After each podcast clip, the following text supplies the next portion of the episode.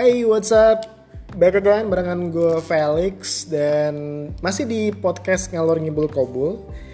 Kita ngelanjutin eh, bahasan mengenai Kang Klein. Ya, Eh, salah satu OB kita di kantor ya, yang Kang Klein ini.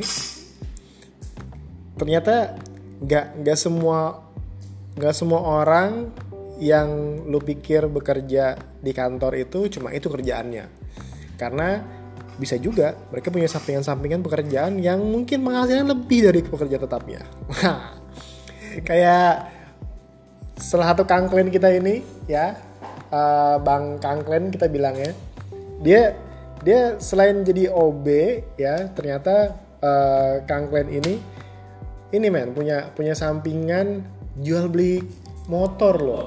Wih, motor second kurang lebihnya. jual beli motor second ya? Iya.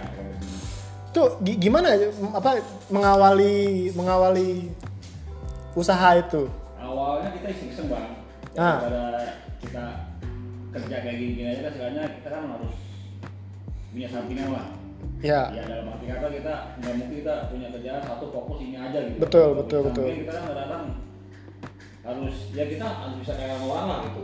Orang Hmm. nggak bisa kenapa kita nggak bisa gitu loh. yoi. dengan modal dengan modal sedikit gimana caranya biar kita tuh hasilnya ada lah lumayan lah bisa buat hidupin keluarga gitu kan kalau nggak kayak gitu ya kita dengan gaji segitu ya Susah ya. susah juga Oh, oh. kalau apalagi di zaman sekarang-sekarang ini kan Iya, apalagi pada pandemi ini ya kan. ini kan Hmm. kalau kita orang-orang nyari kerjaan di luar kan ya boleh-boleh dibilang susah juga lah Oh, oh. By the way, eh, itu kapan sih mulai jualan kendaraan bekas, motor bekas itu? kurang lebih hampir lima tahun bang Udah lima tahun terakhir ini ya. Eh, sekarang 2021 berarti itu sekitar 2014-15an lah ya. itu pun juga warisan dari orang tua Oh, dulu Jadi- dulu almarhum punya Nah, jadi usaha itu. kita daripada daripada si lain nggak ada yang jalanin gitu kan sekian sekian sekian Jadi modalnya udah ada duluan berarti dari dari almarhum orang tua. Oh, alhamdulillah ya. ya. Jadi kita gimana caranya gitu dengan modal sekian Mhm. kita bisa berputar kita bisa buat makan aja udah cukup alhamdulillah gitu loh Oke, let eh, gini. Jualnya berapa? Belinya berapa?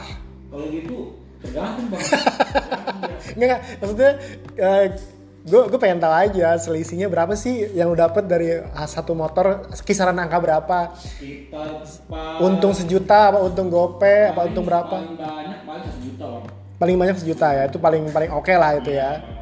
Itu biasanya kendaraan-kendaraan masih baru berarti, maksudnya eh, masih tahun-tahun baru. Ya, di tahun kalau kita yang sekitar tahun 2017 2018 masih dapat untung-untung satu juta. Hmm. Dan biasanya yang yang lu jual yang kendaraan tahun berapa? Sampai tahun Kalau berapa? Sekarang saya mainnya campuran bang. Ada yang pokoknya maksimal yang saya beli itu 2016 lah, 2016, 2014 gitu. Kalau memang harganya masuk, Mhm. pas buat kita gitu kan, cocok, kita bayarin. Iya. Pak, berarti kan itu ada ada apa namanya fit proper testnya dong. Iya. Maksudnya lu nyobain juga ya kan. Ini enak nah layak nggak dijual itu kan pastinya Iya, kan. iya, pasti. Nggak nggak main lihat-lihat doang. Oh oke nih jual Iya, kan cobain ibarat dulu. Cek fisik lah. Iya cek fisik. fisik. Kalau memang fisiknya oke, jangan harganya masuk, tahun sekian, cocok kita bayar. Tapi ada aja tuh kendaraan second yang dijual tuh pajaknya udah nggak aktif. Ada aja. Ada aja bang, kurang lebihnya satu dua ada aja. Hmm. Jadi kita ini, Berarti kalau kalau pajak nggak aktif dijual murah dong.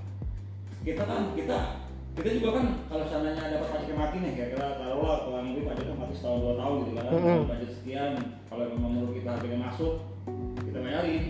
Oh, Kita bayarin cuma kita bayarinnya nggak nggak tinggi kayak pajaknya hidup gitu loh. ya. Ya taruhlah 2000, taruhlah kita andaikan dapat 2015 gitu kan, pajaknya mati andaikan 2 tahun gitu kan, Ah. harganya masih di bawah 5 juta, kita bayarin, Hmm. bayarin. Jadi intinya masih kita masih dapat untung dari situ aja udah ya ya lumayan lah. Ya, intinya untungnya sih nggak perlu nggak perlu banyak lah, yang penting cepet puternya aja duitnya itu. Ya, kan lu kan stay-nya di Bekasi nih. Iya. Eh, yang paling jauh asal kendaraan dari mana? Paling jauh Cikarang bang sampai Cikarang ya? Ya lah, gue pikir berapa jauh Cuma deket Karena saya, pernah ngangkat motor sekali tuh di daerah Rengas Depok sekali. Nah itu agak jauh tuh, Karawang ya, Itu udah menjelang. Karawang tuh Itu karena karena saya perhatiin harganya masuk, Hmm, cocok buat saya. ya barangnya juga kayaknya oke gitu Oke, untungnya juga lumayan. Saya bayarin nantinya saya samperin itu, Itu malam, itu yang jauh itu yang tengah malam lu ambil itu eh, tahun baru apa tahun Itu lama? Tahun 2018. Oh, 2018 dia tahun baru lah ya. Tahun tahun baru harganya juga masuk lah. hmm. Masuk. Itu nggak nggak ada masalah itu nggak ada masalah maksudnya eh, pajak aman pajak aman. mesin aman Aman. Ya, iya namanya motor bekas dipakai ibu mungkin lah ada lah bisnis dikit dikit Iya, lah, iya, iya. gitu iya copot body copot lampu kayak misalnya gitu gitu. asal jangan copot mesin aja ya nggak? Nah, itu aduh. Kadang-kadang sama juga sih sebenarnya. Kalau kita perhatiin kita beli motor second baru ya harganya juga sama aja sebenarnya. Tergantung perawatan juga. Iya jadi emang lu sampai segitu men- menelisik motornya gitu ini orangnya gimana yang pakai dulunya siapa? Nggak Sebenarnya enggak segitunya nggak kan? Asal kita lihat motor body enak enak udah saya bayarin. Oh. Yang penting harganya masuk aja lah. Pertama Iya. yang pertamanya harganya. Kalau harganya sama kita masuk Mhm. udah langsung kita bayarin aja. Yang penting intinya duitnya cepat cepat kita muter aja gitu. Jadi di, Iya, iya. di rumah nggak nggak lama-lama. Nggak lama-lama ya. Nah, tiga hari empat hari pelan ya ntar bisa pusing juga pala istri ngeliatnya kan? Nah itu dia. Pasti kan kalau kalau istri udah marah kan? Apa pun bisa terjadi kan? Iya pusing pusing pala atas bawah Nah, ya itu kan? dia. Iya, maksudnya maksudnya jungkir balik palanya pusing gitu kan ya. Takutnya ada salah persepsi nih, ya kan. Nah, gitu. Oke. Jadi ini udah berjalan eh, sekitar berapa tahun ya? Ada eh, 10 tahun jualan motor. Ada, Second. ada. Ada ya 10 tahun ya. kita pun nggak nggak nggak sendiri bang kita Oh. juga, kita juga ada kebetulan kita ada tiga tiga orang lah Tiga orang barengan ya. nah jadi kita Nah kalau tiga orang barengan itu berarti hasilnya bagi tiga? Apa Iya. gimana pembagian hasilnya? Atau komisi aja dianya? kalau dia dapatnya komisi Komisi. pokoknya saya gini loh per motor kalau ada ada yang dia nawarin saya nih Hmm. pokoknya dia dapat satu motor 100 Oh. kalau memang harganya masuk paling saya lebih 200 Oh, Satu gitu. motor kayak sama macamnya kayak kayak abang lah gini ya ya gua ada motor nih Hmm. harganya sekian Ya. tapi gua minta komisi dari lu nih andai kan Mhm. Nah, kalau menurut saya harganya masuk oke bang saya bayarin tapi abang sebagian segini gimana gitu Oh, Kalau- oke. kalau emang kata abang oke nggak apa-apa gua segitu gua gua terima deal saya bayarin Oke, jadi eh, kan namanya usaha ya, Iya. ada yang lancar, ada yang tersendat nih. Ada nggak sih hal-hal eh, yang nggak disangka, yang ngeselin kayak misalnya ternyata itu motor belum jelas asal usulnya, terus diber- diperkarain, ada nggak pernah nggak gitu? Banyak bang banyak. Ada kadang-kadang yang sering kita dapat itu kadang-kadang nomor nomor rangka itu diketok bang. Nomor Jadi, rangka diketok. nomor, nomor rangka mesin diketok. Direkayasa berarti. iya jadi intinya nomor-nomor rangka yang tertera yang di STNK sama mesin beda. Yang 5 jadi 8 bisa. Oh, 6 jadi 8 bisa. Terus masalah dong di di, di kepolisi kepolisiannya. Nah, itu kita kita juga bingung juga. Soalnya kita kan posisinya kan selama ini kan transaksinya kan malam terus Iya ya. jadi kita nggak bisa ngecek kan nggak bisa ngecek keseluruhan atau mesin bloknya kayak gimana orangnya kayak gimana kita kan nggak tahu angkanya kan kalau Oh. sekarang banyak kayak gitu banyak Oke, ini karena karena Kang Klen udah lama menjalankan bisnis ini ya sebagai sampingan sebagai Kang Klen juga dan juga pengusaha jual beli kendaraan motor bekas luar biasa.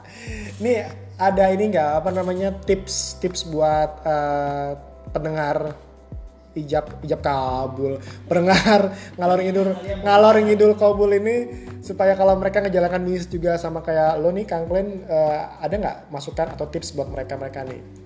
maksudnya tipnya Eh, kayak misalnya apa eh, periksa dulu kendaraannya, cek dulu mesinnya Kalau menurut atau Bang, kalau menurut apa? Ada ada masukan nggak buat mereka-mereka yang mau usaha yang sama? terutama kalau kita memang mau di terjun ke dunia jual beli motor second kayak seperti itu Ah. yang paling pertama ya yang jelas kita paling pertama kita lihat tuh cek nomor rangka aja bang nomor rangka sama STNK ya sama STNK yang kebanyakan terjadi kayak seperti itu apalagi kita supaya nggak bermasalah ya. nah, apalagi transaksi malam apalagi transaksi malam. Lu kena seneng banget sih transaksi malam-malam. Ini gue curiga ini. Justru yang malam kan bang.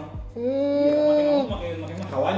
Iya iya. iya. Gitu lah. Ya gimana kan gimana istri lu nggak bingung mulu nanyain mulu ya. Oh betul itu lah. ya. Kalau emang Iya, saya keluarnya malam bang. Kalau siang nggak keluar. Oh iya iya.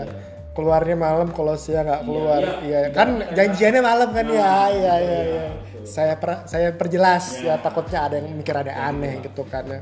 Jadi itu ya periksa eh, nomor rangka sama STNK sama Iya, tangga. Banyak kan terjadinya kayak seperti itu.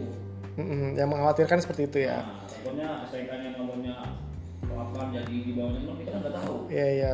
Selain ngecek juga kendaraannya, Iya. mesinnya atau Iya, kalau- kalau- hal-hal minim lainnya gitu Ya, ya. kalau mesin kan sebenarnya kan bisa kedengeran sama kita kayak body kan bisa kita lihat langsung kan. Ya, Kalau ya. nama kita kan nggak nggak mungkin. Yang penting kita ngeceknya STNK sama kalau kamu udah kelar kan. Hmm. Nggak mikirin nomor mesin kan. Kalau orang bikin biasanya kan nggak mikirin ke situ.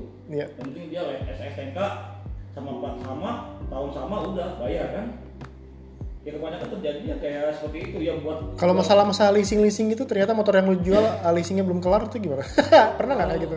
Ah, itu sih alhamdulillah sih belum terus terang karena kita yang kita main ini kan motor second Mhm. yang penting ada BPKB sama STNK. Oh kalau BPKB ada berarti udah lunas berarti ya? Iya, kalau belum nanti kalau belum kalau tanda kutip cuma jual STNK aja kita nggak berani. Oh. Takutnya itu motor motor istilahnya motor leasing lah gitu. Iya ya motor nggak jelas bodong Nah, atau apa kayak gitu. gitu.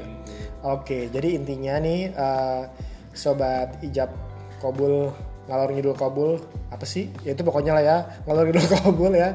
Jadi intinya kalau eh, sobat mau usaha seperti Kang Klein ini usaha motor bekas ya harus perhatikan itu ya perhatikan eh, nomor rangka mesin sama STNK cek juga mesinnya kalau bisa sih cek silsilanya ya asal usul keluarganya ya kan bapak moyangnya siapa ya kan iya iya ya biar lebih terperinci. Ini kayak nyari calon istri ya? Jadi oh. Intinya kayak seperti itu harus harus dicari semuanya gitu. iya iya iya. Supaya jelas supaya enak ke depannya. Oke. Oke jadi em, episode kali ini eh, ngobrol balang kangklen kita ngebahas mengenai bisnis dia yang saat ini dijalankan dulu sampai sekarang masih dijalankan yaitu bisnis jual beli motor bekas lumayan hasilnya bisa membuat dapur tetap ngebul ya Kang Glenn ya tetap ngebul. Tetap ngebul malah baik-baik kebakaran ya. Ya. ya. Jadi intinya ya apa pun usaha yang dijalankan semoga itu tetap bisa tetap menghasilkan dan pastinya halal untuk keluarga. Karena bagaimanapun keluarga anak istrimu kan pastinya harus dinafkahi dengan yang benar ya nggak sih? Ya kan? Karena khawatir tadi akhiratnya ditanyain ya kan Nah, Oke, cukup sekian dulu untuk eh, episode kali ini ngobrol bareng Kangklen kita eh, mengenai bisnis dia, sampingan dia seba- selain sebagai eh, Kangklen ternyata beliau juga ada bisnis jual beli motor bekas. So, kalau kamu punya komentar ataupun punya masukan buat yang mau buka usaha sama, bisa komentar di bawah eh, podcast ini. Oke, thank you. Gue Felix, sign out. Sampai ketemu di episode berikutnya masih ngobrol bareng Kangklen pada podcast ngalor ngidul kabul. Insya Allah ijab kabul. Amin. See you, bye bye. Thank you all. Salam sehat selalu.